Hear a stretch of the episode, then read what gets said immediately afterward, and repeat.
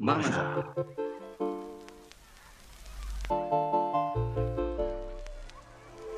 Jadi kita kita awal ini ya kita coba buka di Mamasa dulu. Habis itu kita lanjut nih. Seenggaknya ini udah jadi intro-intro yang menarik nih.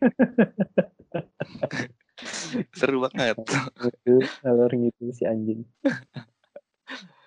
Asik tau. Gak apa-apa nggak apa-apa. Wah, gue lagi minum badan jahe. Waduh mantap. Gue teh anget pak. Teh hangat. Aduh, lagi bulan puasa. Teh nggak bisa. Aneh-aneh. Lu puasa? Alhamdulillah. Enggak. Hari pertama puasa. Hari kedua enggak. puasa dong. Ntar aja. Puasanya bentar doang. Gue dua hari tidak, ber- tidak berpuasa nih. Hmm. Kayak belum dapet hype-nya nih kayaknya gue. Iya, Udah mulai kelam- kelamaan di rumah goblok. Jadinya nggak kerasa kayak wah lagi bulan puasa gitu. Ah, itu satu. Yang kedua, yang kedua, gue kan udah dua tahun puasa ini di rumah mulu kan. Ah. Jadi kayak loop itu gitu-gitu aja cil. Nih gue biasanya melek nih. Gue baru bangun tadi jam berapa ya? Jam 5, jam 6 gitu, jam 6. Anjing. Ini gue tidur. Ini gue tidur sampai jam 12 siang nih. Eh baru tidur jam 12 jam 1 siang gue. Ngapain aja? Nocturnal. Jadi gue punya punya apa namanya? eh molekul-molekul gue ngulik-ngulik apa, ngerjain apa gitu-gitu. Dan lamakan kayak gitu. Gak apa-apa sih. Lagi seru karena di ini ya menariknya di apa pandemi ini nih banyak universitas-universitas luar kalau enggak eh, agensi atau studio itu ngasih apa Ilmu namanya ilmu kan. ilmu-ilmu gratis pak Iya, ini Yang- saatnya sebenarnya buat- iya buat. Bener Karena kata Lucky. Lucky nah iya jadi gua sangat berusaha buat kayak gitu sesimpelnya gue nontonin orang tutorial ini deh di Behance Hmm. Behance TV tuh apa sih Eh. bahasanya Behance TV atau apalah gitu. Itu lucu-lucu pak. Jadi kadang-kadang gue nemuin teknik-teknik baru gitu oh ini bisa kayak gini ya? Gitu. Itu kan teknis ya teknis ya. Kalau thinkingnya ya udah gue yang kayak tadi gue ceritain tuh gue dengerin search system sama si apa talk itulah ngebahas search system itu Oh, apa. Terus kalau nggak si Nusae sama siapa tuh ngebahas eh, media dan kurang lebih desain itu kayak gimana thinkingnya. Gitu-gitu pak. Seru-seru. Terus Hmm. kemarinan juga gua ini eh penempatan eh, branding identity. Oh. Gimana berat banget itu dari si The Future. Ada feature. Eh, iya Om botak itu om si botak brengsek. Om botak kacamata. Nah, itu terus gue kemarin tuh. Di iya terus, ke- terus kemarin gua ngulik ini juga typografi tuh. Wah, gimana gimana? rules rulesnya typografi itu Hmm. apa? Nah terus gue dapet eh apa namanya? Karena gue waktu itu sempat ngepost deh di Instagram masalah typografi gitu. Oh kebetulan Mamasa deh kalau nggak salah. Logonya Mamasa Mm-mm. Eh, senior gua namanya Kanca tiba-tiba ngirimin gua source menarik gitu kalau lu mau buat apa namanya typografi Mm-mm. gitu pak nama teorinya itu eh bentar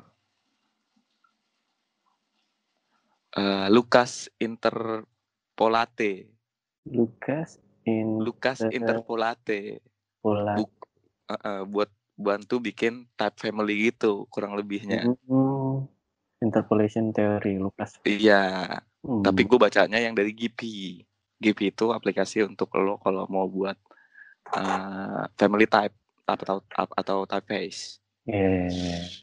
ini menarik nih terus kayak oh ilmu baru lagi nih gitu seru gitu gitulah kurang lebih akhirnya jam tidur gue kebalik lebih keseringan Iya sih. kebablasan gue tuh juga sebenarnya kayak sayang gitu loh pengen tidur kebiasaan sekarang eh tidur jam 3, jam 4 gitu ya kan, terus karena WFH kan, jadi harus Mhm. bangun jam sebelum jam masuk kantor, Mhm. kayak, "Ah, sih ini masih ada yang masih ada yang baru nih hari ini nih." Kalau gue tidur Mhm. Entar gue kelewatan nih. iya, kalau misalnya gue tidur, gue kelewatan. Kalau misalnya nggak tidur, nggak bangun nih. Iya, dilema kan. Jadi Mungkin itu bedanya bedanya gue sama lu kali ya, Cil, ya? Iya, pekerja lepas sama Iya. Sama yang Nah, kantoran mungkin. iya kantoran. Makanya mungkin itu teori yang pada akhirnya anak freelance tuh lebih kritis dibanding orang-orang yang di kantor. Eh, itu itu masuk akal, mungkin ya mungkin ya. Iya, kritis dalam jadi menyikapi klien karena dia head to head juga Hmm. iya, belajarnya juga iya. Iya. Iya, sih. gitu-gitu sih. Tapi untuk performa kerja apa sih bukan performa kerja ya, apa namanya? Step-step kerjanya gitu mungkin Mhm. berbeda gitu. Kalau Hmm. lu harus masuk instansi ABC, pada akhirnya lu dapat approval, akhirnya lu baru buat karya. Hmm. Nah, kalau freelance itu head to head atau mouth to mouth sama klien gitu. Eh, Jadi proses thinkingnya langsung dia tahu apa yang ada eh, permasalahan apa yang ada di kliennya. Begitu juga sebaliknya. Nah, kalau kalau lu di kantor sebenarnya iya juga lu tahu, tapi udah ke-convert sama eh, departemen ABC-nya itu. hmm, iya iya Pada iya. akhirnya pada akhirnya lu cuma dapat lu buat ini yang kayak gini ya gitu. Iya. Tanpa tahu permasalahannya. Kalau makanya kalau lu mau kritis di kantor, lu sadar dengan apa yang lu kerjain gitu sih kayaknya. Ih, kenapa kayak gini Iya. dah?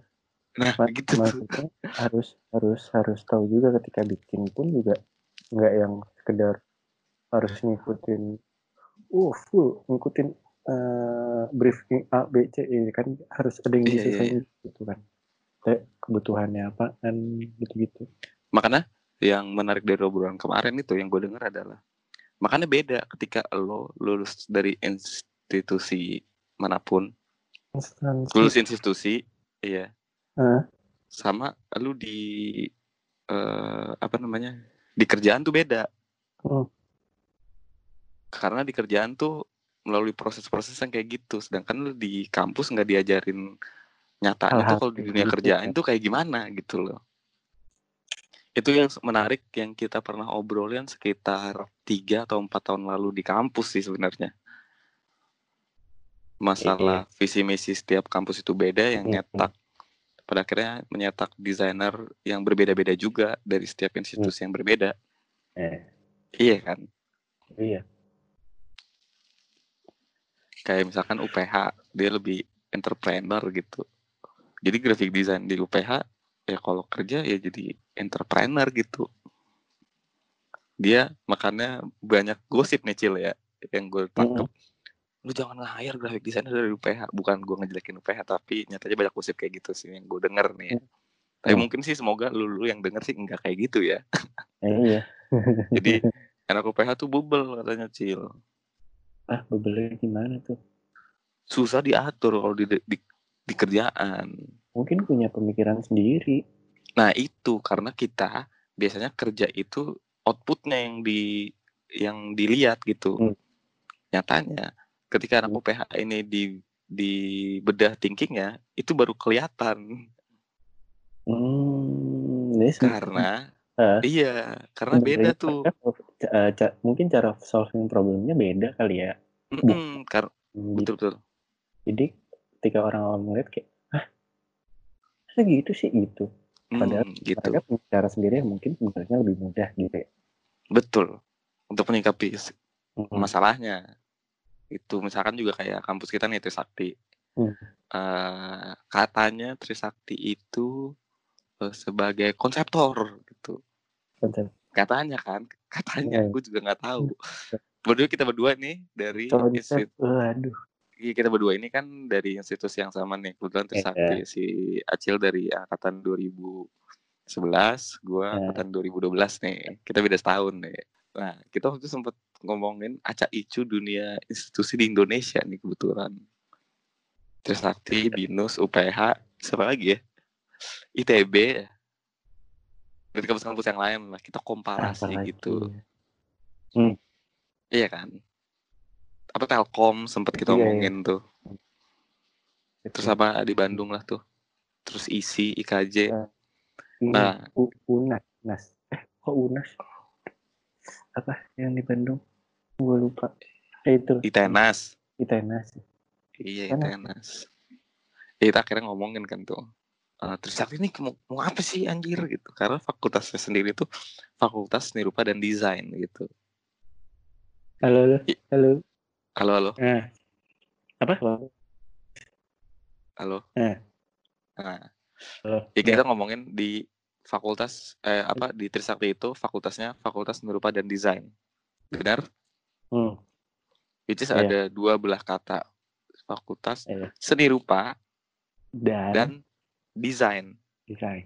Which is seni rupa dan desain itu tip top TikTok. menurut tip top tip top. Oh, TikTok. Hmm. Mm-mm. Dalam dalam histori yang gue baca, eh, graphic design itu apa eh, desain itu adalah komponen of seni rupa gitu. Nggak? masih aneh juga kan? Masih family juga sebenarnya. Karena seni rupa tuh banyak lah. Salah satunya seni grafis nih. Akhirnya jadi desainer desain grafis nih. Iya. Nah tapi di Trisakti itu lucunya. Jadi ngebuat ada dua belah pihak gitu nih di mahasiswanya. Desain, desain, seni, anak seni rupa iya dan desain dan lucunya setelah setelah pengalaman lima tahun di Trisakti gua gue Hmm. akhirnya nanya sama dosen gua nih kebetulan dia eh, wadek tiga gua Nah, dulu tuh dulu tuh dia itu eh, apa namanya pembimbing gua pas TA Ya. i- itulah ya pokoknya. Mm-mm, si Ya. ibu yang Ibu itu. keren itulah Iya. iya si ibu itu apa Bu mantep. Bu mantep, iya. Mantep betul kebetulan. Nah kan kebetulan gue tugas akhirnya tuh nge-rebranding kampus gue sendiri tuh. Hmm. Jadi gue harus cari tahu komponen yang ada di Trisaktinya nih Cil. Ya. Eh, akhirnya gue nanya, "Eh, Mbak, kenapa sih eh, harus ada seni rupa? Kenapa nggak fakultas desain aja gitu? Jawabannya dia menarik nih Cil. Apa tuh? Jawabannya dia, seni rupa itu adalah seni melukis melalui program studi fotografi. Gitu Cil, katanya dia Cil. Menarik. Menarik. Cil. Makanya gue selama ini sebenarnya bingung. Seni melukis cahaya maksudnya. Dan tadi gue tambahin dikit, seni melukis cahaya. Fotografi Cil. Itu adalah elemen of seni rupa kata dia makanya gini gini gini gini terus gue langsung kayak bengong gitu seriusan nih mbak seriusan jadi riset gue yang selama ini gue untuk ngebangun citra di FSRD Trisakti ini gimana dong mbak ya mau nggak mau kamu harus ngikutin ininya. Wadah kata gue udah gila kata gue sebenarnya bener. Sebagai cocok loginya tuh bener. Seni melukis cahaya tuh ya Iya. fotografi. Dan itu eh, part of seni rupa juga gitu loh. Cuman refleksnya yang terjadi yang permasalahan nih ya karena di lapangannya sendiri tuh mahasiswanya tuh keba- kebagi jadi dua yang gue bilang tadi di awal yaitu ada yang seni rupa banget ada yang desain banget karena di DKV Trisakti pun kita nggak ada penjurusan ya Cil ya Jurusan eh, kayak kalau nggak salah sekarang tuh udah ada deh. iya Oh. sekarang udah ada Tapi baru juga mulai kayaknya itu 2000 2015 kalau nggak salah. 11 nih. 2015 tuh udah penjurusan tuh. Bukannya masih masih agak ini. Ah, Nah, lu, lucu iya iya. Iya lucunya eh, si apa namanya si eh, apa sih tadi? Eh, penjurusan program studi itu Ah. cuman ada dua, yaitu multimedia dan desain grafis. Iya. Nah, kalau di kampus lain tuh ada fotografi sendiri tuh, Cil, atau sinematografi tuh. Nah, Tapi role-nya DKV. ah, Which is kalau kita main puzzle harusnya nih fakultas eh, fakultas desain Trisakti gitu dengan nama Iya. fakultas desain Trisakti molekul yang di dalamnya ada desain interior, Ah. desain produk, eh, desain komunikasi visual. Hmm. Penjurusannya di desain komunikasi visual ada sinematografi, desain grafis, kalau boleh ada multimedia. Menurut gue tiga itu aja cukup. Hmm. Jadi ngomonginnya spesifik nih sekarang-sekarang. Kalau desain. Jadinya ke depannya maksudnya. Hmm. Kalau dibuat kayak gitu. gitu, Cil. Iya. Menarik kan? Ah, menarik sih jawabannya sih. Tapi gua tadi gua shock. Pas gua turun kan gua ngomel-ngomel tuh ke lu. Bangsat tuh gua. Jadi seni rupanya adalah fotografi. Sedangkan anak fotografi kasih tahu Cil ada berapa mahasiswanya satu angkatan Cil. Eh, paling banyak tuh kalau nggak salah 12 Tuh. Gimana saudara-saudara pendengar ini? Anda menyikapinya 12 orang satu angkatan. Terakhir yang lucu tuh cuman ada 5. di angkatan gue lupa di 2015 atau 2016 cuma 5 cuy. Gila. Jadi tiap tiap apa namanya tiap tahun tiap semester Hmm. ngomonginnya foto doang. Harusnya dia bisa explore apa dan kayak gimana. dan ke depannya. sinematografi buat film mungkin atau kayak Betul. ya. Betul. Maksudnya Ini- eh, bisa dikembangin ke arah sana juga gitu loh. Fotografi bukan Betul, cuma betul. foto foto jadi cuma satu frame doang gitu nggak sih? Maksudnya Betul. masih Maksudnya banyak yang dieksplor gitu loh. Dengan media yang lain kan, dengan Iya. konteks yang lain, Hmm, dengan hmm. sudut pandang yang lain nih ngelihatnya. Nah, kurang lebih sih kayak gitu. Jadinya kan jadi hal yang lucu ya setiap tugas akhir anak fotografi itu ya udah pameran foto aja gitu. Berapa foto nyetak sampai berapa juta gitu ya. Iya iya. Sebenarnya sih karya-karyanya oke-oke gitu, tapi Bagus Ketika- banget iya, ketika- bagus, iya, istilahnya. bagus-bagus.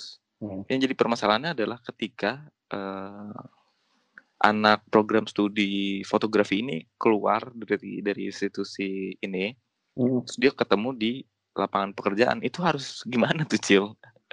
Sedangkan Tapi- hiring semuanya itu minimal banget kan videografer ya, fotografer mungkin tanpa kuliah fotografi mungkin juga udah bisa gitu, Iya, tapi ya dengan adanya taste-nya mungkin ya ngomongin.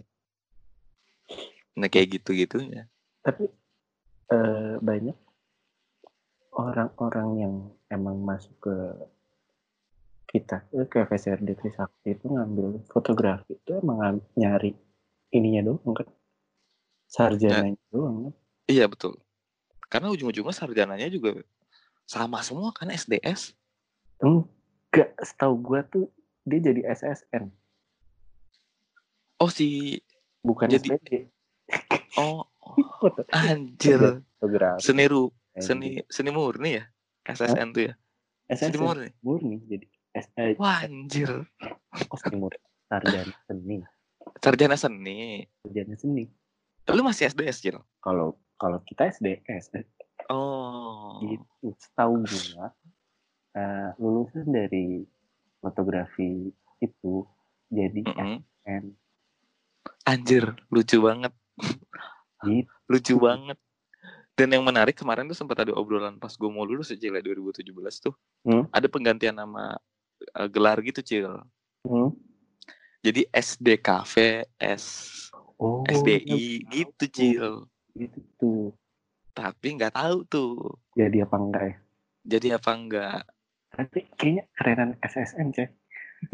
Sejarah seni nggak lu?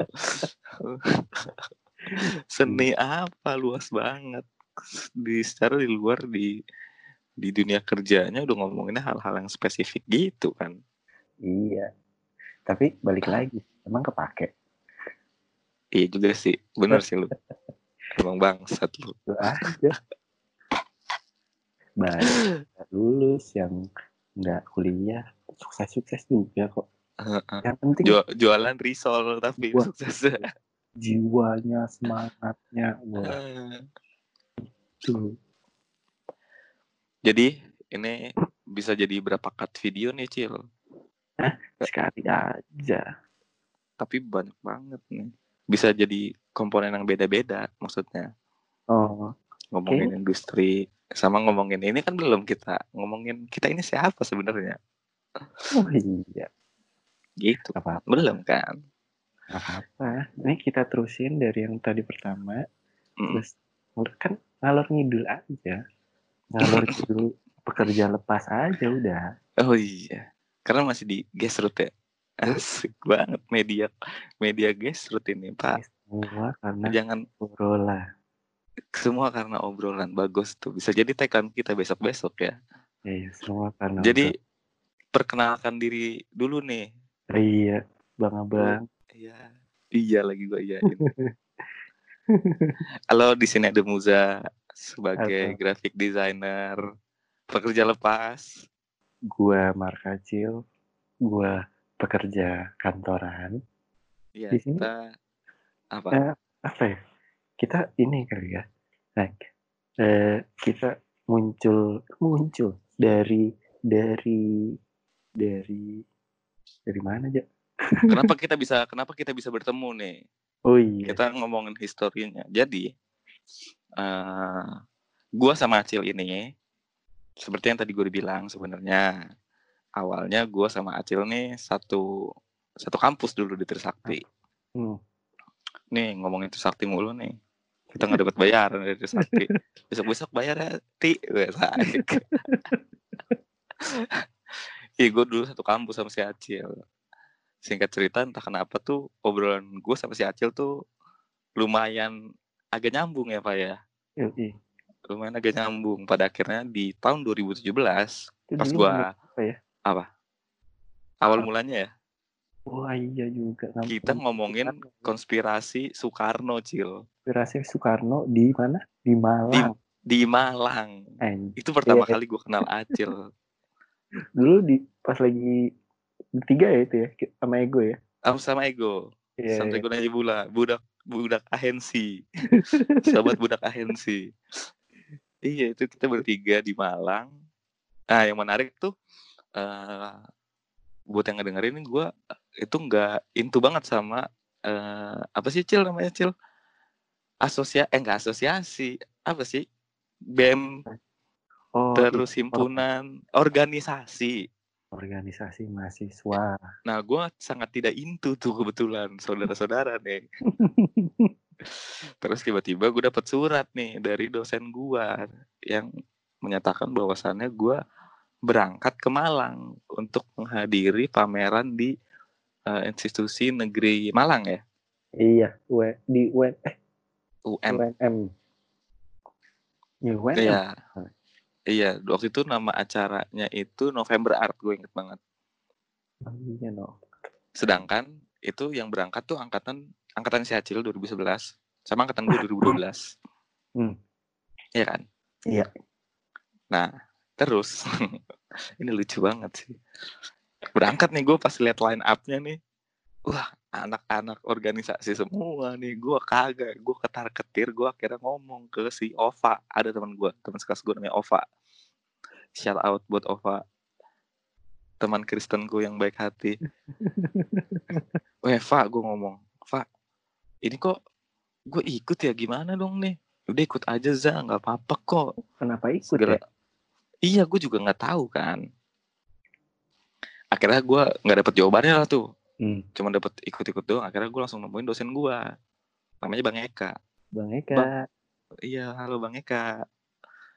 Gue ngomong ke Bang Eka, Bang, ini kenapa gue ikut Bang? Kan gue bukan orang organisasi Bang. Nah justru itu, kata dia.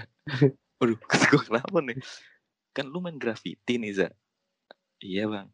Nah, lu di sana sebisa lu aja dah, kata dia.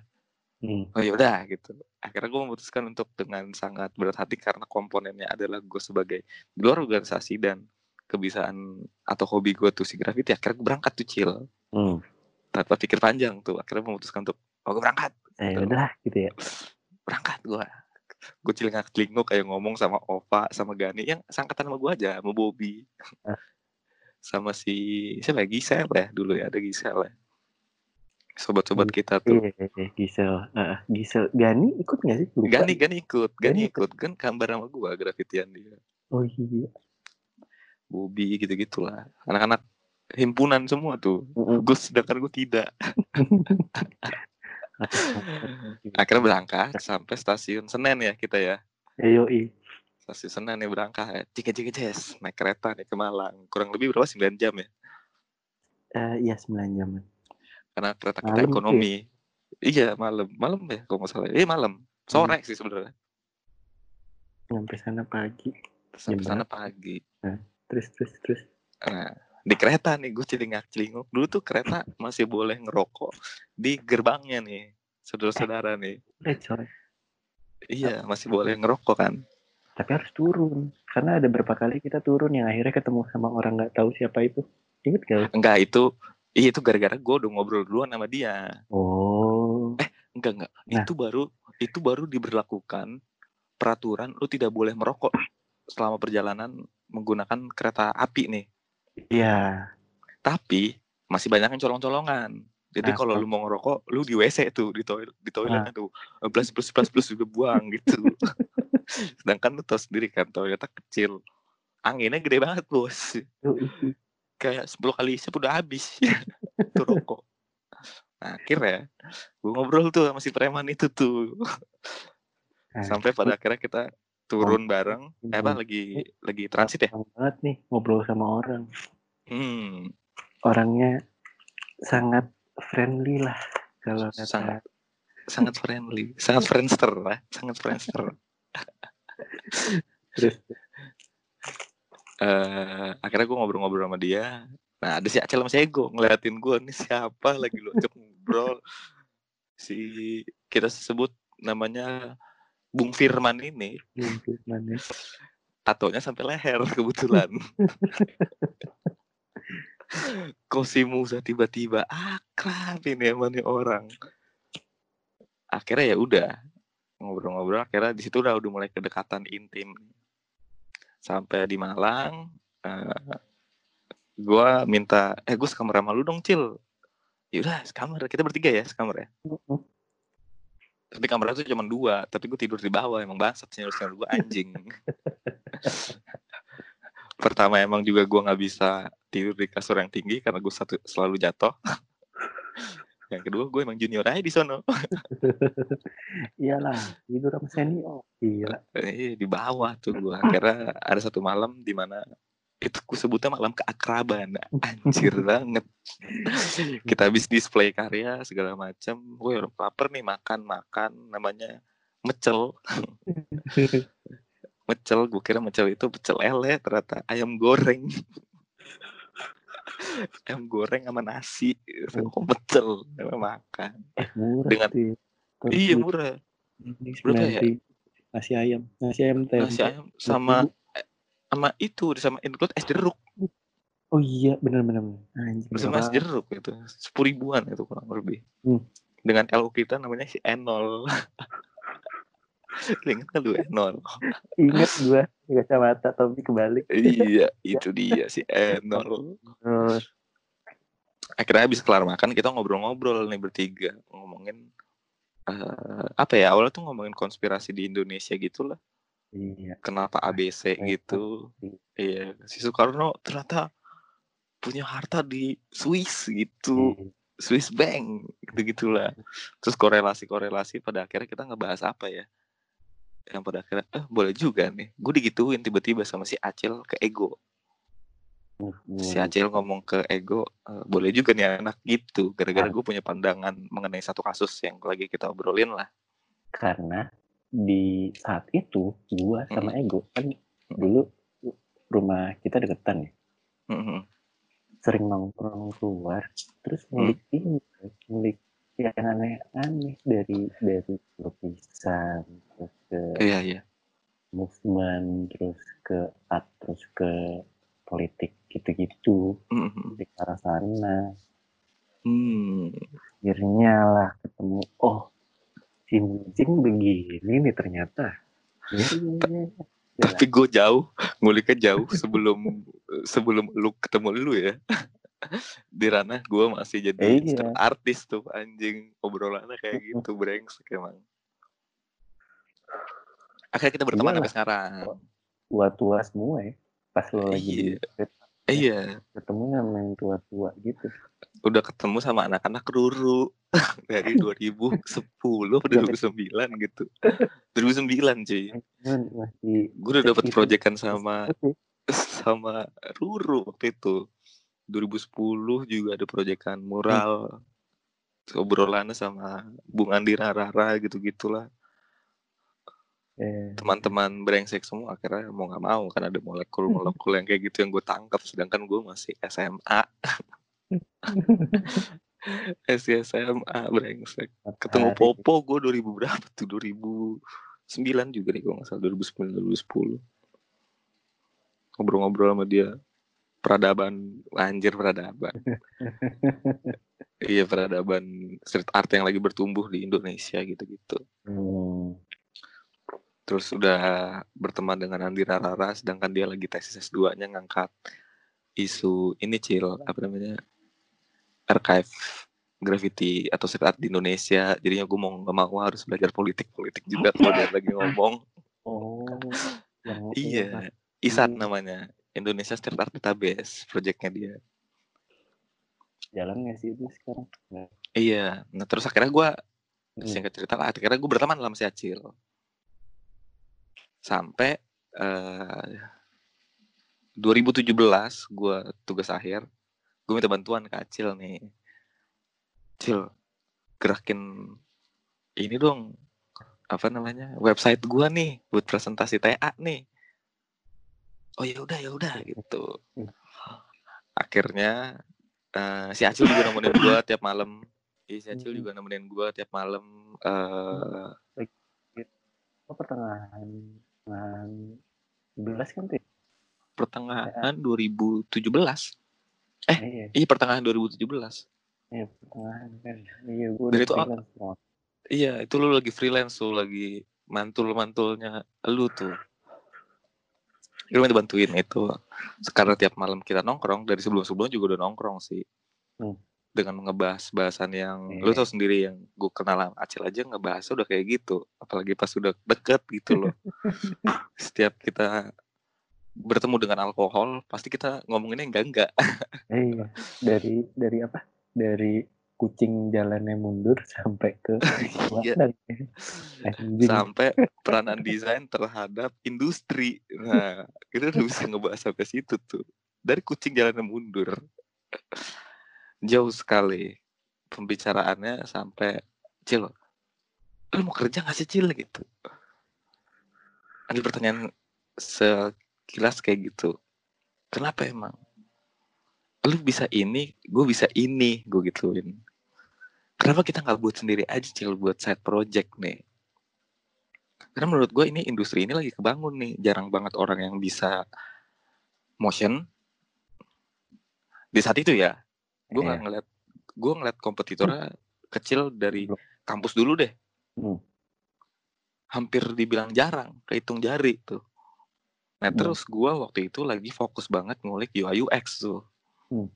Kebetulan gue magang juga waktu itu di eh, calon kantor gue juga tuh, mineral. Nah terus kenapa ini kita nggak kita bekerja sama saja nih berkolaborasi menciptakan suatu lapangan pekerjaan. Isunya adalah kita mau nggak sih Cil udah sampai umur 40 tahun kerja di industri yang kayak gini Iya. yang sebelumnya Acil juga udah kerja di kantor kan iya, akhirnya gua- gua putuskan iya. untuk keluar. untuk keluar jadi freelance ya. Iya. Nah kalau gue tuh nggak nggak gue baru mau masuk industrinya, tapi gue karena udah magang dan ketemu langsung gitu, gue punya pandangan sendiri mengenai industri ini. Kok misalkan gue 40 tahun gimana ya gitu. Akhirnya ya udah kita memutuskan untuk mendirikan eh, apa ya, Cil dibilangnya? Studio abal-abal, enggak studio abal-abal juga sih, cuma kayak inilah. eh, karena visi dan misi yang sama, akhirnya kita mutusin untuk, wah kita coba untuk mulai sesuatu dari sekarang kali ya, yang mungkin Betul. bakal 10 atau 15 tahun lagi yang baru kita bi- bisa petik gitu buahnya. Betul betul. Akhirnya Gitu kita sih. mendirikan namanya Numasa. Eh, masa.co, alah. Numasa.co. Wah, Jadi Numasa ini apa Cil? Kenapa Numasa tuh? Numasa sih sebenarnya pas kita lagi breakdown dulu tuh ngerasanya di saat itu ya uh, Nusantara yang baru kita ngerasanya apa, apa? Nusantara yang baru Nusantara yang baru ya kan betul. Karena ngomongin waktu dan era. uh, uh, era gitu-gitu dan di situ saat apa ya kita ngerasa kayak kayak kita harus jadi sesuatu yang baru betul. Akhirnya kenapa namanya Numasa dan kayaknya agak catchy juga sih Numasa Gak mungkin gini kali ya. Ini ini fun fact-nya nih uh, yang menarik dari nama Numasa itu kayaknya belum ada orang yang pakai nama Numasa nih. Sebagai sebenarnya uh, di, sebagai company di, ya. di, ya di industri industri di industri kreatif gitu. uh. belum belum ada tuh yang namanya Numasa. Dan kita juga merasatin ya sebenarnya dari kata new jadi nu sama masa. Akhirnya new masa new masa nu masa Terus gue di situ punya teori menarik mengenai teori abal-abal gue yang menyatakan company yang hurufnya belakangnya A itu pasti keren. Contohnya nih, gue kasih contoh nih buat lulu semua nih. Tokopedia, Traveloka, uh, apa lagi ya? Uh, trav eh, kok Travelio apa? Al banyak lah itu AA tuh. Lazada. Ada. Iya. Itu uh, apa lagi ya? Banyak pak. Apa sih itu yang iklannya si Raisa itu? e-commerce juga tuh. Pokoknya belakangan A I U E O itu menarik tuh. Akhirnya Hmm. belakangan A I U E O. Terus kayak "A- a- apa ya, A- ya masa kali cil ya masa akhirnya masa tuh keluar. Dan jadi catchy gitu kebetulan kalau pas orang ngedengerin dan gue nggak tahu sih ya. Semoga Tapi or- sih ya. Semoga, Semoga catchy, iya. sih. kalau eh nuas apaan sih ada teman-teman di kampus kita nuas apaan sih itu si Muza sama si Acil bikin bikin apa namanya studi Sumpan-sumpannya. Heeh. bikin studio-studio kecil oh anjing terus nggak tahu kayak ngeliat ngeliat apa gitu keren banget padahal kita belum punya kerjaan tuh Iya. Padahal cuma cuma ngasih tahu doang namanya. Eh, Iya. bikin studio sama Eh, bikin band namanya nuasa tiap ketemu sama orang yang ada di lingkungan kita pasti nanyain gimana nih masa? Gimana nuasa padahal kita masih siput that's why kita eh, ini ya eh, mencoba mencari insight-insight baru dari dari kalian-kalian nih eh, pelaku industri kreatif ya atau sebagai desainer ataupun apa pun itu kita mau coba mencari insight itu dengan ngobrol di eh, mamasa ini. Ya. gitu ceritanya. Insightnya mungkin eh, apa ya kita nyari juga mudah-mudahan bisa dipergunakan dengan baik buat eh, apa ya buat memperbaiki atau ngegedein industri industri desain di Indonesia semoga ya betul betul semoga Gitu. juga ada ada yang relate dengan dengan kehidupan kalian dan kita bisa menjaga Iya. ekosistem ini lebih baik lagi ke depannya Iya. kurang lebih Nah, kayak gitu eh, mungkin udah banyak sih ya obrolan-obrolan tentang desainer-desainer yang udah udah gede-gede gitu kan dengan gimana mereka jatuh bangunnya sampai akhirnya ke ke posisi yang sekarang gitu. Cuma nah, kita ngerasanya tuh kayak masih sedikit ya tapi yang yang ngebahas tentang tentang akar-akarnya gitu orang-orang yang Hmm. mungkin masih di bawah yang butuh butuh apa ya butuh apa ya dia butuh masukan mungkin atau butuh ya butuh masuk butuh insight atau misalnya eh, butuh nggak pengakuan referensi. Iya, mungkin referensi-referensi yang oh ternyata banyak orang-orang yang ngerasain kayak gue di posisi Hmm. sekarang ketika kita masih masih mencoba untuk ngedaki si gunung ini gitu ngelihat orang-orang gede itu udah pada di puncak kayak kayaknya gue bisa deh kayaknya gue Hmm. bisa. Ya mungkin mungkin besok besok kita bisa ngobrol sama Steven Seckmeister ya. Amin ya Allah. Jadi kita bisa tahu tuh proses desainnya dia dari A sampai Z tuh gimana cil. Habis dia udah terlalu keren sama si Jessica Waltz tuh aduh. Gak ngerti lagi gua. Dia lo bisa bahasa Jerman dia di Gua- Jerman kan apa Eh, gua nggak tahu di mana sih so gue di US deh setahu gue tuh dia dari Jerman Tat oh iya eh iya Dia bahasa Inggris sih dia Ah, iya Iya. Iya. Gue pengen ketemu sama Paul Asher sih. ya itu, Itu ya. Impian-impian para desainer-desainer gitu. Yang ngobrol gitu ngerokok bareng lah minimal. Walaupun mungkin mereka ngeteh gitu, kita Ya, eh. minum. Eh, Ya, itu gue menarik tuh cil. Gue gue tadi gue nonton YouTube lucu gitu cil. Ternyata cil ngomong-ngomongin ini nih kopi nih. Hmm, atau ngeteh. Orang Indonesia tuh punya ini cil sifat buruk cil. Apa tuh? yaitu kayak gini nih gitu cil. Di barat. di barat nggak ada cil. Di barat tuh nggak ada cil yang kayak gitu cil. Jadi lu kok ketemu sama si Paula Sher itu dia ngeteh nih biasa nih. Ya, Ya. paling dicium lah ya dicium. Ah, oke deh minum. Dah kelar. Nah kalau kita Ada sedikit. kok nggak ngerti? Karena karena karena aduh lupa deh sebutannya. Itu tuh kan kem- kemahan sama iklan nggak sih? Karena buat ngeanalogiin atau ngilustrasiin bahwa kok minuman itu enak kan terkadang Nah. suka ya. Ah, Nah, gitu. jadi si ah itu adalah lo ketika lo pada akhirnya jadi habit lo tahu kalau misalkan rasa kopinya itu enak eh, gitu cil. iya. itu jadi label kopi gue banget nih gitu. Ah gitu. sebelah lu nengok. Set.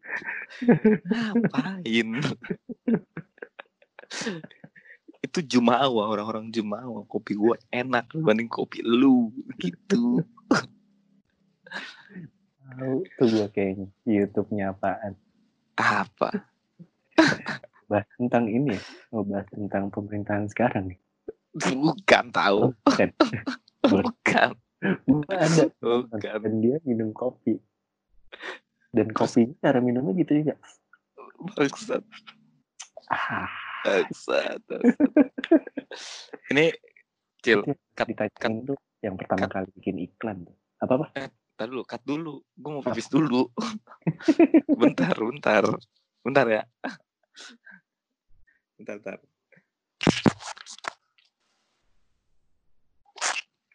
Lanjut Gan. ya oke gimana gimana gimana Tadi kita sampai di ini ya, di Kopi. kopi. Eh, oh nih, medium mamasa. Iya kan? Iya. Lu mau ngobrol sama si Paula Sher kan? Siap-siap Iya, situ. iya itulah, susah banget ngomongnya. Iya pada akhirnya semoga harapannya tuh buat kalian yang ngedengerin dapat petuah-petuah yang baik atau enggak seenggaknya referensi buat buat hidup kalian di profesi yang kalian gelutin sekarang nih. Semoga relevansinya ada, kita bisa ngebangun ekosistem desain ini untuk di ke ranah yang lebih baik lagi ke depannya. Ya. Karena kita juga sebenarnya secara tidak langsung obrolan ini sebenarnya ada di lingkungan kalian nih. Ya. Jadi ada ya semoga ya relate mungkin dengan kehidupan ini kalian. buka apa ya diskusi-diskusi gitu kali antar Mm-mm. antar pekerja-pekerja yang di industri kreatif kayak gitu sih. Iya iya. Akhirnya kita buat Mamasa. Mamasa. Kenapa Mamasa Mamasa. aja? Karena ini lucu. Kenapa Mamasa? Jadi sebenarnya tadinya Mama doang. Kita waktu itu ada sempet karena lagi di fase pandemi kayak gini, gue udah lama banget sih gue gak ketemu Acil tuh. Akhirnya kita sering banget telepon-teleponan gak jelas nih. Ada di suatu malam, eh gue gundah gulana dengan dengan apa yang selama ini gue jalanin nih. Kebetulan gue udah hampir satu tahun gue nggak kerja di kantor dan gue punya punya apa ya punya tanggung jawab terhadap apa yang gue jalanin gitu karena yang gue jalanin yang gue jalanin ini uh, harus berjalan dan kalau misalkan gak berjalan tuh ngehambat uh, uh, poin-poin yang ada di hidup gue yang lain gitu loh Hmm. Akhirnya gue ngobrol sama salah satu senior gue namanya Lucky Ibrahim shout out buat bapak Lucky akhirnya gue ngobrol dan ngobrol menarik gara-gara di Instagram dulu tuh jadi eh, gue dulu sempat punya Instagram banyak gitu cil Ah. punya Tuh. tiga atau empat gitu Tuh bagi-bagi kan? Apaan aja sih? Gue lupa. iya. Jadi kayak galeri gue gitu. Yang pertama tuh ada grafitian gue Hmm. terus yang kedua tuh ada graphic desainnya doang. Hmm. terus lagi ada gua sendiri yang selfie selfie terus ada lagi ya gue megang ngadminin otak kanan. Iya ngadminin otak kanan tuh ini kru graffiti gua. Sama ngadminin Numasa juga gitu. Wah gue udah jelimet bedah gitu. Akhirnya gua kill lah account Muza Fauzi yang isinya graphic staff doang tuh. Hmm. ah toh juga orang tahu ini gua gitu. Tadinya gue juga mau ngekill si account graffiti gue juga tapi ranahnya emang beda nih. Karena graffiti itu lebih gimana gitu ke ruang publiknya. Jadi gue mau kelihatan karyanya aja nih nggak usah yang ngebuat gitu. Tapi kalau graphic design ya lu juga yang ngebuat gitu mau nggak mau akhirnya gue kill tuh Muza Fauzi Jedar. Yang udah follow-followan sama si Lucky Ibrahim ini. Hmm. akhirnya gue buat lagi. Eh gue nerusin yang selfie selfiean gue akhirnya udah mulai tuh mengkompos foto-foto sendiri dan graphic design staff gue gitu gitu sampai pada akhirnya gue baru ngefollow si Lucky lagi belum lama ini. Akhirnya dia nanya apa kabar segala macem sampai ngomongin gue nanya ke dia eh Hmm. Lucky lu S2 bisnis kan ya? Iya za gini gini gini gini gini gitu. Udah lulus kan ya lu ya? Iya udah lulus gua. Gue sekarang kerja di salah satu company apa ya dia tuh ya? Eh gue lupa deh company-nya dia apa. Intinya kayak eh, menarik karena dia menemukan suatu hal yang baru di luar graphic design ini. Hmm. akhirnya eh, dia ngasih gue satu film nih cil Apa tuh? ya- yaitu The Founder Hmm. kan langsung kayak ini orang tiba-tiba ngirimin gua The Founder gitu Gimana apa caranya? ini? iya itu film-film apa cil coba dijelasin cil kalau kalau buat yang belum nonton cil The Founder itu eh, nyeritain tentang perjalanannya si si lupa. yang brand yang brand McDonald. eh, McDonald. Dulu pas dia lagi ngakuisisi dari si eh, yang punya McDonald sebenarnya. Itu. Ya itu jadi Si itu yang ada ranah ada ranah F&B dan ada ranah properti ya? Mm-mm. Karena Ya. di yang McDonald-nya itu mereka nggak mau bikin franchise karena Betul. takut lah gitu. Nah itu lah filmnya tuh lumayan seru buat di dipelajari gitu-gitu sih. ya buat kalian yang mungkin nanti bakal punya bisnis apa kita nggak tahu coba Iya. ditonton itu Kebetulan lagi pandemi juga kan buat ngisi waktu. Siapa tahu Mm, bisa nambah-nambah insight nonton itu. mm, mm. Betul betul. Nah, akhirnya karena dia udah mancing dengan the founder, akhirnya eh, ya gue ngomong, gue curhat ke dia. Eh, gue udah gak, gue udah gak kerja nih lu uh, satu tahun. Uh, oh iya za. Terus dia ngasih gue ini cil petuah-petuah gitu. Hmm. ya udah lu ini aja lagi pandemi kayak gini lu mungkin lu harus ngulik apa yang lu bisa sekarang segala macam segala macam terus akhirnya dengan kalimat terakhir gue langsung lu kalau bisa ditelepon kabarin ya. Gue langsung gitu. Gue bisa ditelepon kabarin ya. Oh, siap sa. Karena ditelepon di malam itu. Teleponan gue berdua gue gue sempet nginvite si Acil si telepon itu tapi dia Belum. masih ngilang masih ngilang masih ngerjain kerjaannya karena gue ngobrol berdua gimana cara ngebedah ngebedah ngebedah industri dalam kacamata desain dan bisnis terus hmm. juga gue dapet insight-insight menarik mengenai oh ternyata desain tuh nggak kayak gini nih ada part yang lain namanya bisnis tuh kayak gini gitu terus dia juga punya usaha sendiri terus juga oh dia itu di konsultan desain gitu kerjanya hmm. which is uh, gua sebagai yang punya brand bisa dikatakan seperti itu gue konsul ke dia dengan menanyakan kita tuh jalan dari 2017 nih si Numasa nih. Jadi gimana caranya dapetin pasar yang oke okay dan menarik dari kebisaan gue sama si Acil nih kebetulan? Itu gue nanyanya tuh. Yeah. Nah, terus gue mulai tuh chill kayak ngomongin masalah problemnya. Kenapa kayak gini? Karena dulu tuh ada fase di mana Acil freelance, gue kerja nih. Terus kita hmm. berdua sama-sama kerja. Terus ada lagi Acil yang masih kerja, gue enggak. Jadi kita yeah. pernah ketemu di fase yang longgar dua-duanya. Iya, sama-sama nggak uh -huh. kerja, sama-sama punya punya waktu luang yang banyak. Mm -mm dan kurangnya kita mungkin ini cila interaksi interaksi kayak gini tuh kita nggak terlalu sering nih iya, cuman cuman momentum aja. Tiba-tiba ketemu atau karena kesibukan lah ya. Gitu gitu kesibukan kita berdua ya. hmm. kayak ngomongin hal serius gitu kan ya? Nggak sih? Betul betul. Terakhir kita outing. Ini lucu nih. Outing 2019 itu di Fucek gue lupa namanya. Oh di Laulas Burger Bar. Katro sekali. Company. Outing di Laulas Burger Bar. Burger Bar. Aduh. Burger terenak itu. Santero nasional meeting di situ abis itu kita lanjut ke ini kan Dais mabok bangsat tuh iya, malah jadi ke sana kan jadi mabok iya nah.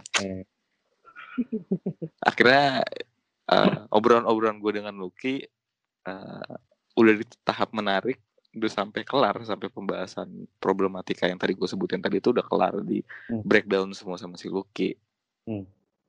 jadi gue harus gini gini gini gini aja gitu terus akhirnya si Acel baru bales. Akhirnya gue undang lah tuh kita ngobrol bertiga. Nah sampai ngobrol ngalor ngidur kita ngomongin desain kita ngomongin musik kita ngomongin film ya. Ngomongin breakdown breakdown film yang bakal tayang nanti terus ngomongin pandemi ini. Eh. uh, Acil juga curhat masalah ini apa namanya kehidupannya. Seorang desainer yang kerja di kantoran tuh gue punya kayak gini nih itu sama kayak gue tadi. Gue tuh sebagai desainer lepas tuh kayak gini nih gitu. Akhirnya kita kita bertiga nyeletuk ngomongin masalah podcast nih. Ini seru juga nih ya kalau direkam. Hmm. mungkin bisa ada yang relate nih dengan yeah. posisi kita berdua yang sekarang nih. Di fase Acel yang kerja kantor dan gue kerja di rumah nih yeah. sebagai pekerja lepas dua-duanya punya visi yang apa ya uh, punya visi lah gitu itu kan ya sih? Betul Maksudnya, betul betul. semua orang pasti bakal punya visi lah. Betul. Akhirnya ini kalau diarsipin oke okay nih gitu. Ya udahlah besok besoknya kita apa nih namanya nih? Terus gue dengan bodohnya otak gue terus gue nyeletuk mama aja cil. Apa tuh mas? Mama Muza dan Marka. Ketawa gue. Kasar sekali ya. Ini kayak nonton ini nih. Rece.id. Muza dan Marka kebanyakan nontonin bapak-bapak.id iya. Akhirnya kita coba rombak-rombak, oh kalau mama masa gimana nih cil gitu. Ya Eh. udah, akhirnya tercetuslah nama mama masa gitu, saudara-saudara. Semoga inilah ya. se- Semoga eh, ada yang bisa diambil lah ya dari obrolan kita. Iya, semoga masih bisa ada yang bisa diambil lah. Iya. Seenggaknya ataupun buat kita sendiri Cil sejujurnya Hmm. juga buat ar archive kita sendiri kalau kita tuh udah pernah punya uh, obrolan yang kayak gini gitu ya kita nggak tahu maksudnya kayak 10 tahun lagi lu bakal jadi apa gue bakal jadi apa gitu Iya. Benar. seenggaknya kita Iya. udah pernah ngobrolin permasalahan ini sekarang gitu itu yang menarik sih sebenarnya Dan bisa dijadiin apa ya eh, tanda buat ini kali ya. Eh, kita level up atau enggak sih gitu ya. Nah. Iya sih? permasalahannya gini Cil misalkan lu ngimpi punya motor Royal Enfield nih walaupun lu udah punya ya misalkan punya motor Hmm. Enfield lagi gitu Ya. punya case kayak gitu lah lu punya gue pengen banget punya motor Enfield nih lu kerja nih tapi tidak tidak menimbulkan hasil yang bisa ngebuat lu beli Royal Enfield nih Hmm. berarti ada yang salah dengan lu Iya. Nah, itu kita buat untuk apa ya? Jadi itu eh, kita ar- archivein jadi buat Hmm. pengingat kita kalau misalkan eh, kita pernah ngomongin kayak gini, berarti bisa nggak, bisa nggak dapet ya? Gitu. ya? nah berarti ada yang salah dengan lu dong. Ya. Nah itu bisa jadi buat introspeksi diri juga gitu Iya. loh. Bener kan? Benar. Misalkan lu mau apa gitu, gue mau studi, gue mau berdiri di kaki sendiri gitu dengan studio gua. Tapi lu udah ngalamin prosesnya, tapi ternyata lu belum berhasil gitu. Berarti ada yang salah Belum. di lu kan? Berarti eh, pertanyaan lagi kita apa sih ini? Apa sih ini? Nah, betul. Akhirnya kita membuat ini lah si mama saya ini dengan harapan ya semoga lu yang ngedengerin ataupun buat kita yang sendiri bisa dapat impact yang menarik dari ini semua. Ntar untuk ke depannya pun juga eh, ini ya kita bakal ngundang narasumber-narasumber yang mungkin punya punya keresahan keresahan yang sama sama kita di Betul betul. tahun sekarang kayak gitu-gitu kali. Iya betul karena beda kan maksudnya graphic design agency sama di e-commerce mungkin beda terus sama yang pekerja lepas beda terus juga creative thinkingnya juga kita harus tanyain dong kenapa lu bisa kerja di sini apa yang Iya. udah lu dapat dari kantor ini gimana caranya Iya. kantor ini nge-treat lu sebagai graphic designer Hmm. terus lu juga sebagai desainer lu punya satu project apa enggak terus gimana tuh eh apa namanya ya siklusnya kayak gimana Iya. sampai lu eh, mungkin juga kita bisa nanyain harapannya mereka ya terhadap profesinya dia yang sekarang gitu. Untuk Karena ke depannya bakal kayak gitu. betul karena kayaknya nih Cil ya gosip dikit aja nih kayak teman-teman kita yang graphic designer nih Cil. Sudah bergeser-geser ke yang lain nih Cil. Kayak ngapain gua di desain banyak yang ngomong kayak gitu. Berarti kan ada yang salah di di kacamata Eh, desainer di sendiri kan. Eh, di industrinya. di industrinya sendiri. Berarti ada yang harus kita coba gali kan? Dan kita edukasi ke orang-orang gitu loh. Temen gua ada cil. Apa sih masalahnya? Eh, iya temen gua gitu? ada nih graphic designer cil Apa? keren keren banget bisa sekarang jualan hordeng Hmm. ya nggak masalah juga sih buat hidup dia tapi kan ada yang salah ketika lo menyikapi desain ini sudah bak- nggak bakal berevolusi which is Iya. lu kalah tanding dengan pelaku-pelaku baru gitu loh. Dan Hmm. kenapa? Kayak gitu berarti harus harus kita berkaca terhadap diri sendiri dan lingkungan kan. Iya. Dan, dan itu berarti hitungannya kan di industrinya sendiri pun juga sebenarnya ada m- mungkin nggak salah, cuma mungkin Mm-mm, hal yang mungkin bisa diperbaiki kali ya. betul. Gitu sih. Seperti Biar nggak- apa? Iya seperti yang tadi kita bilang di awal-awal sebenarnya kayak logo 200 ribu sama logo 4 juta tuh kok bisa beda ya deret bedanya ya Hmm. apa yang bikin beda secara lu pakai software lu sama sistematis kerjanya sama kenapa yang bikin beda gitu which is Iya. itu gue relate banget terhadap lagunya efek rumah kaca yaitu pasar bisa diciptakan sebenarnya. Eh, gimmick aja lu buat bertahan hidup gitu. Eh, apa ya namanya karena ngomongin eh, desain grafis sama bisnis tuh mungkin ya sekacamata gua selama ini kayak punya tolak ukur yang beda gitu loh thinkingnya beda jadi gua kemarin ngobrol itu adalah eh, graphic design tuh nggak melulu me- apa nih ya namanya ngelarin sebuah masalah gitu tapi masalah itu ada karena ada segi bisnisnya juga gitu loh kurang lebihnya Hmm. mungkin nanti kita bisa ngobrol-ngobrol sama Lucky lagi nih mengenai Iya. ini nih orang yang mungkin lebih ini kali, lebih Capable. lebih capable. iya itu menarik tuh maksudnya kalau ngomongin desain tuh lu problem solving gitu emang problem solving Hmm. graphic design is problem solving tapi kalau dari segi bisnis tuh kayak gimana tuh Hmm. karena lu nggak bakal bisa jadi graphic designer kalau misalkan lu nggak belajar mengenai uh, marketing juga Iya. bisnis juga dan yang terpenting adalah hukumnya kayak gimana Sampai soft skillnya juga gitu gitu. iya Sama kayak ini lah, ya. Eh, nggak tahu sih, bukan ranah gue. Cuma arsitek sama teknik sipil nggak mungkin terpisahkan nggak sih? kayaknya sih iya ya atau arsitek sama desain interior deh cil Desainer interior, arsitek, dan teknik sipil. sipil Karena ya mikirin, mikirin tekniknya, yang satu mikirin luarnya, yang satu lagi mikirin dalamnya. bahasanya tuh punya simbiosis mutualisme ya Iya. Itu sih.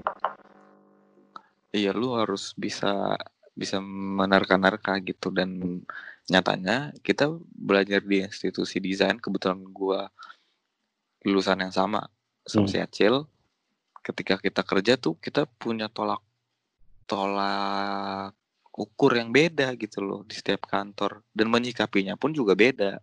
Kantornya Acil kayak gini kantornya gua kayak gini gitu Hmm. misalkan. Pertanyaan-pertanyaan yang kayak eh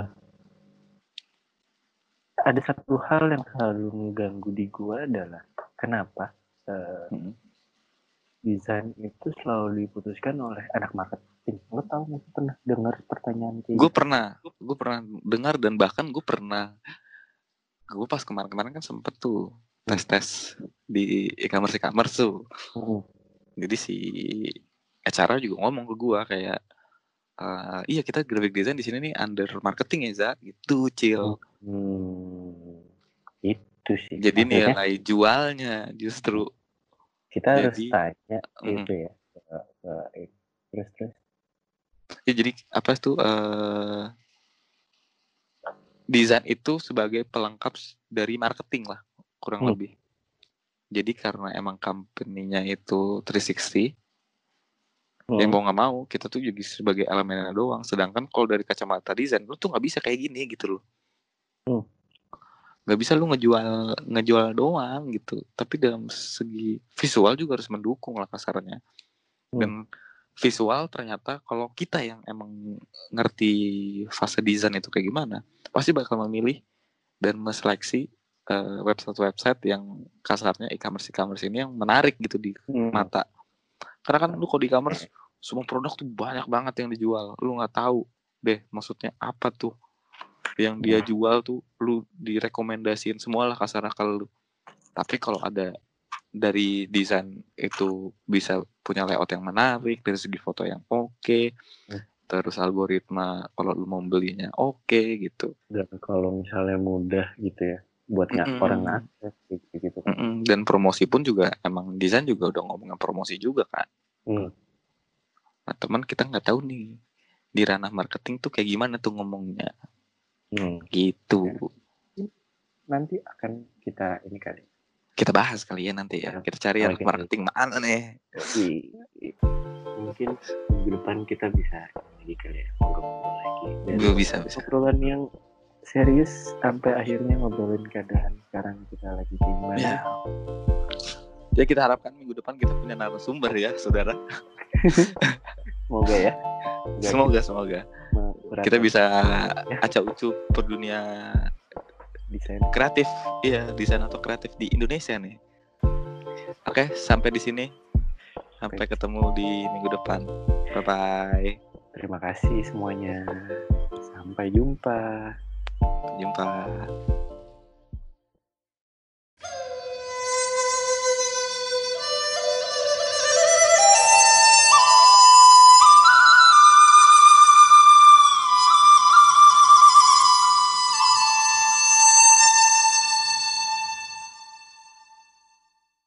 Amazon.